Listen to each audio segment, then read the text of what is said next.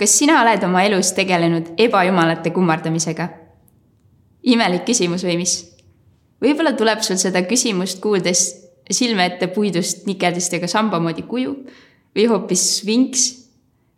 jätan selle teema praegu õhku, aga loodan, et tänase kõne lõpuks ei tundugi see küsimus enam nii asjakohatu. mina olen Johanna 3D kogudusest. meil on praegu käsil Hoosia raamatu seeria ja kui sa ei ole veel kuulanud seeria esimest osa, siis tee seda kindlasti. Meego jagas selles Hoosea raamatu kontekstist ja rääkis raamatu kolme esimese peatüki põhjal prohvet Hoosea ja tema truudusetu naise Goomeri loo. täna läheme edasi Hoosea raamatu peatükkide neli kuni kümme uurimisega. võib öelda, et neist peatükkidest näeme, milline on truudusetuse tulemus kui Hoosea raamatu algus räägib traagilise loo murtud truudusest, siis alates neljandast peatükist pöördub tekst Hoosea enda loolt sellele sõnumile, äh, mida ta pidi Iisraeli rahvale edastama. mehe ja naise vaheline abielusuhe on nagu võrdpilt inimese ja Jumala suhtest. Iisrael kui Jumala pruut oli vaimses mõttes abielu rikkumises elanud, oma südant ja kiindumust raisanud kõigele muule kui elavale Jumalale vaatame täna kõigepealt, mis olid sellise jätkuva truudusetuse tagajärjed. seejärel räägime, milline on Jumalale meelepärane usk ning lõpuks läheme isiklikuks ja tahan küsida, keda või mida ülistad täna sina? aga kõigepealt räägime siis truudusetuse tagajärgedest. peatükk neli läheb otse Iisraeli patu juurte juurde. salmid üks kuni kaks ütlevad, maal ei ole tõsidust, armastust ega ka ega ka mitte Jumala tundmist. sajatatakse, valetatakse, tapetakse, varastatakse, rikutakse abielu ja murtakse sisse ning veresüü järgneb veresüüle. tekstist tuleb välja, et Iisraeli rahva hulgas, keda kutsutakse Jumala rahvaks, pole enam Jumala tundmist. selle Jumala tundmise all, millest piibel räägib, on mõeldud palju rohkemat kui lihtsalt intellektuaalne teadmine. see on isiklikult tundmine ehk isiklik suhe Jumalaga on väga erinev, kas tead kellegi kohta midagi või päriselt tunned teda. jumal tahab, et Iisraeli rahvas ja me igaüks päriselt tunneks teda ja tema armastust. tunneks nii, et see muudab südameid ja elusid. ja selle tulemusel armastavad inimesed Jumalat vastu. milles Iisraeli rahva truudusetus Jumala suhtes siis seisnes? Iisraeli rahvas ei olnud mitte ainult liitunud ebajumalatega, nagu Hoosea neli seitse ütleb vaid ka künnud õelust, lõiganud ülekohut, söönud valede vilja ja lootnud omaenda tee peale, nagu ütleb Hoosea kümme kolmteist. Hoosea neli kaksteist saame lugeda, et nad olid pöördunud teiste ebajumal, teiste jumalate poole ehk ka ebajumalate poole vastuste leidmiseks. Hoosea seitse üksteist näeme, et nad otsisid abi ja kindlustunnet teistelt rahvastelt, mitte ei usaldanud Jumalat jumal nägi, et asjad hakkavad ikka väga käest ära minema ja et on vaja sekkuda. ta saatis prohvet Hoosea oma rahvast hoiatama ja kutsuma meelepärandusele. jumal igatses oma rahvast tagasi, tagasi teda järgima ja elama osaduses temaga. pärast aastaid Iisraeli rahva ebajumala teenistust ja seda, et Jumal proovis nende kõvadest südametest kuidagi läbi tungida, näeme salmist neli seitseteist kuidas Jumal laseb minna. Eefraim on liitunud ebajumalatega, las ta läheb. kui me Jumalale selja pöörame, ei hoia ta meid kinni. kuigi Jumal tahab meile parimat ja ta teab, et see parim on elu koos temaga, on Jumal meile ometi andnud vaba tahte ja valikuvõimaluse. kui valime järjepidevalt Jumalale vastu töötada ja tema kutset eirata, siis ta laseb meil minna kuid saame ka selle valiku tagajärgi kogeda. jumal tahab meid päästa ja vabastada, aga kui me püsivalt töötame talle vastu, annab ta lõpuks meid üle nende tagajärgede kätte, mida oleme ise taotlenud. see ei tähenda, et Jumal oleks kuidagi vähem armastav meie suhtes, vaid vastupidi. Jumal tahab meid viia sinna punkti, kus mõistame oma patusust ja läbikukkumist ja oleme valmis minema oma armastava isa sülle alasti ja paljastatuna, võimelisena toome talle vaid oma pattu ja patusust. alles siis, kui mõistame, kui väga me tegelikult Jumalat vajame, saab ta anda meie, meile uue elu ja tuua meid temaga lähedasse osadusse. kahjuks liiga sageli inimesed arvavad, et tõelist vabadust saavad nad elus kogeda siis, kui mitte keegi ja mitte miski ei ütle neile, kuidas nad elama peaksid. Kardetakse öelda oma elus jah Jumalale, kuna äkki see tähendab mingite käskude ja ettekirjutuste, ettekirjutatud moraali järgimist. tulemus on siiski vastupidine, kuna ilma Jumalata jääb inimene patu meelevalda ja hoopis patt on see, mis inimest orjastab nagu inglise keeles öeldakse, real freedom is not freedom to sin, it's freedom from sin. tõeline vabadus ei ole vabadus teha pattu, vaid see on vabadus patust. Mind on väga hämmastanud näiteks see, kui palju Eestis ja teistes riikides osaleb inimesi Pride üritustel.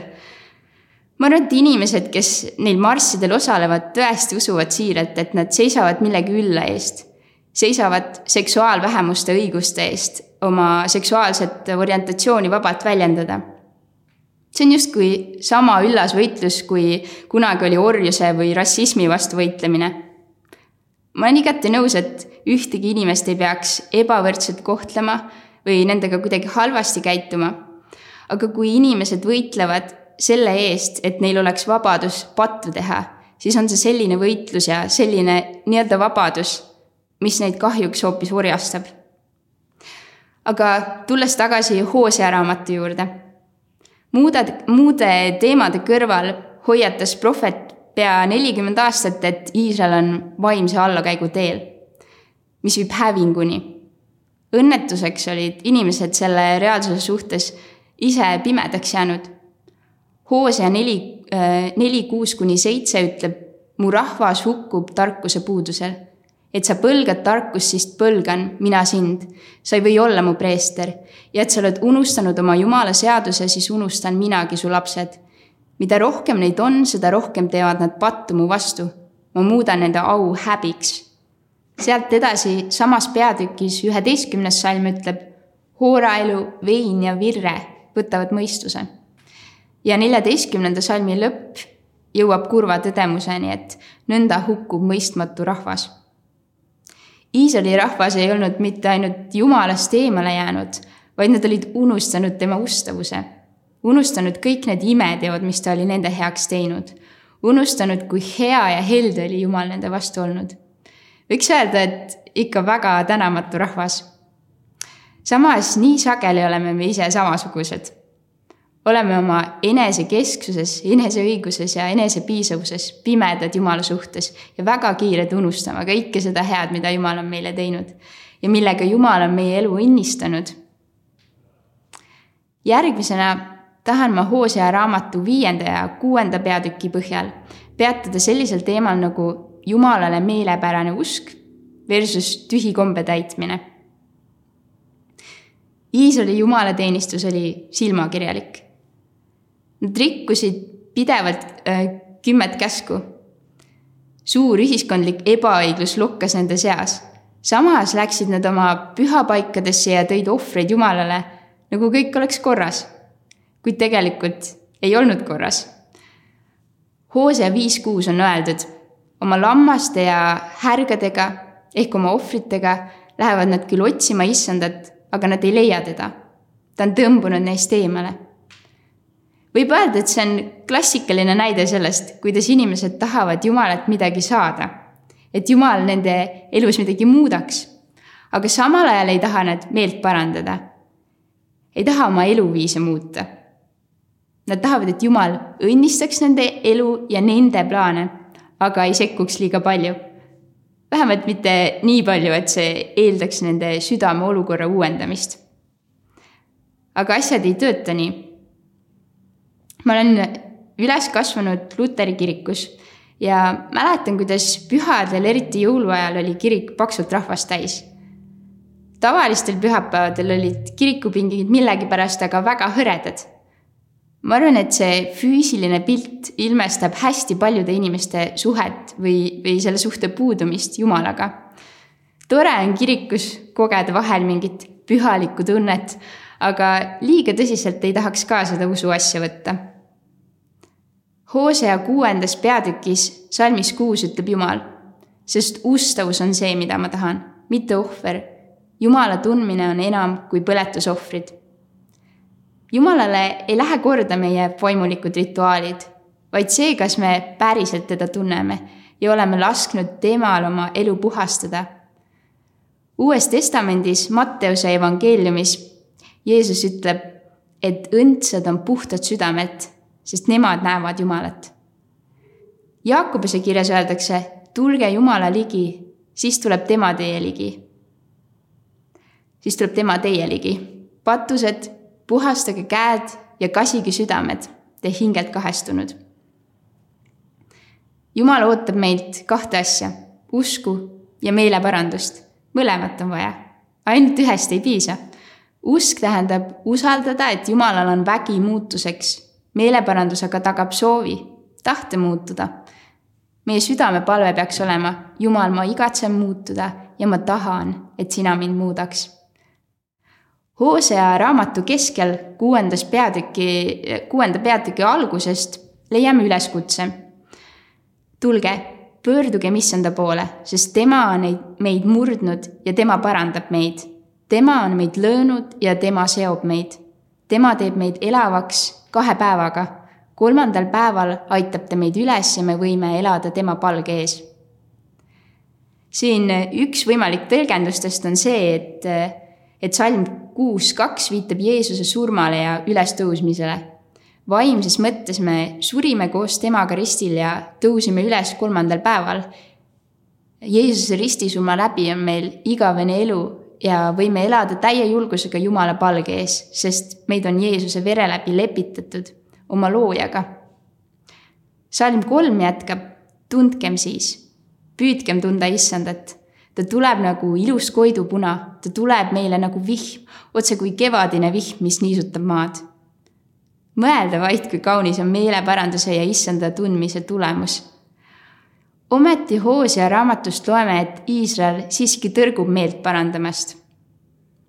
Hoosia seitsekümme on kirjas Iisraeli kõrkus tunnistab tema enese vastu, nad ei pöördu issanda oma Jumala poole ega otsi teda kõigest hoolimata. Sealt edasi Hoosia raamatu peatükkidest kaheksa kuni kümme näeme veelgi seda karmi reaalsust, mis on Iisraeli kõrkuse, Iisraeli kõrkuse ja kangekaelsuse tulemus saame lugeda truudusetu Iisraeli patust ja karistusest ja väga tõsistest Jumala kohtumõistmistest. Iisrael on mässanud Jumala vastu ja, ja Jumal laseb tulla tõsised tagajärjed selle tulemusena. Kuid samal ajal on Jumala armastus ja halastus võimsamad kui Iisraeli patt. käesoleva seeria järgmises osas räägib Pokeum meile Hoosia raamatu viimastest peatükkides. seal näeme veelgi enam Jumala armu ja igatsust oma rahva suhtes, isegi kui nad talle nii palju valu on põhjustanud tänase kõne lõpetuseks tahan küsida, keda või mida ülistad sina oma eluga? Iisraeli patt oli jätnud nad pimedusse ja segadusse, kinni patu nõiaringi. kui otsime kusagilt mujalt seda, mida tegelikult üksnes Jumal meile pakkuda saab, avastame ühel hetkel, et oleme lõksus. inimese pattu langenud loomusele on väga omane ka selline kalduvus, et hakata otsima Jumalale aseainet ja leida endale ebajumalaid. ilmselt tänapäeval me ei hakka sõna otseses mõttes ebajumala kujusid kummardama, kuigi Iisrael, Iisraeli rahvas äh, kunagi tegi seda, kummardades paali ja valmistades omale ise ebajumala kujukesi. kuid samamoodi on ebajumala kummardamine mis tahes asi, mida me otsime ja igatseme oma elus rohkem kui oma loojat, Jumalat. heaolu, kindlustunne, mugavused, positsioon, rikkus, kuulsus, taolisi asju on inimesed alati, inimesel alati olnud kalduvus hakata taga ajama. ja võib öelda, et tegelikult ülistama. kui meie elus ei ole esimesel kohal Jumal, siis on seal midagi muud. kui me ei ülista Jumalat, siis ülistame midagi või kedagi teist kuid iga aseaine Jumalale jätab lõpuks meie elu tühjaks. ma olen olnud nüüdseks kuus aastat abielus oma kalli abikaasa Valduriga. Meil on hästi toimiv suhe ja kaks armsat last. olen kogenud oma paari suhtes palju armastust ja, ja lähedust. ometi tean ja olen kogenud ka seda, et üksnes Jumala täiuslik armastus suudab täita mu elu ja sisemise armastuse anuma nii, et see päriselt täis oleks ükski inimene ei ole täiuslik ja ükski inimene ei suuda täiuslikult armastada, vaid Jumal üksi saab seda teha. Piiblis kirjeldatakse kogudust kui Kristuse pruuti. piibel räägib meile ka sellest, et Jumal on kiivas Jumal. selles armastussuhtes, millesse Jumal meid kutsub, ei ole ruumi kiindumustele, mis Jumala koha võtavad. Hoosea kaks kakskümmend üks kuni kakskümmend kaks on minu jaoks olnud üks kõige erilisemaid kohti kogu piiblis. seal ütleb Jumal ja ma kihlan sind enesele igaveseks ajaks. ma kihlan sind enesele õiguse ja kohtu pärast, armastuse ja halastuse pärast. ma kihlan sind enesele usu pärast ja sina pead tundma issandat. see on otsekui tõotus Jumala igavesest ja järelejätmatust armastusest. usun, et Jumal tahab öelda seda sõnumit meist igaühele kes on vaid valmis vastu võtma seda armastust, mida tema pakub. ja see armastus ei ole odav armastus, vaid armastus, mis maksis meie eest oma eluga, maksis Kristuse vere hinna. igaühes meist on natuke koomerit. me keegi pole iseenesest puhtad ja õiged. ometi Jumal oma armurikkuses kutsub meid enda pruudiks, puhastab meid ja valmistab taevaseks pulmapeoks, kuhu me ühel päeval jõuame kui me oleme temale truud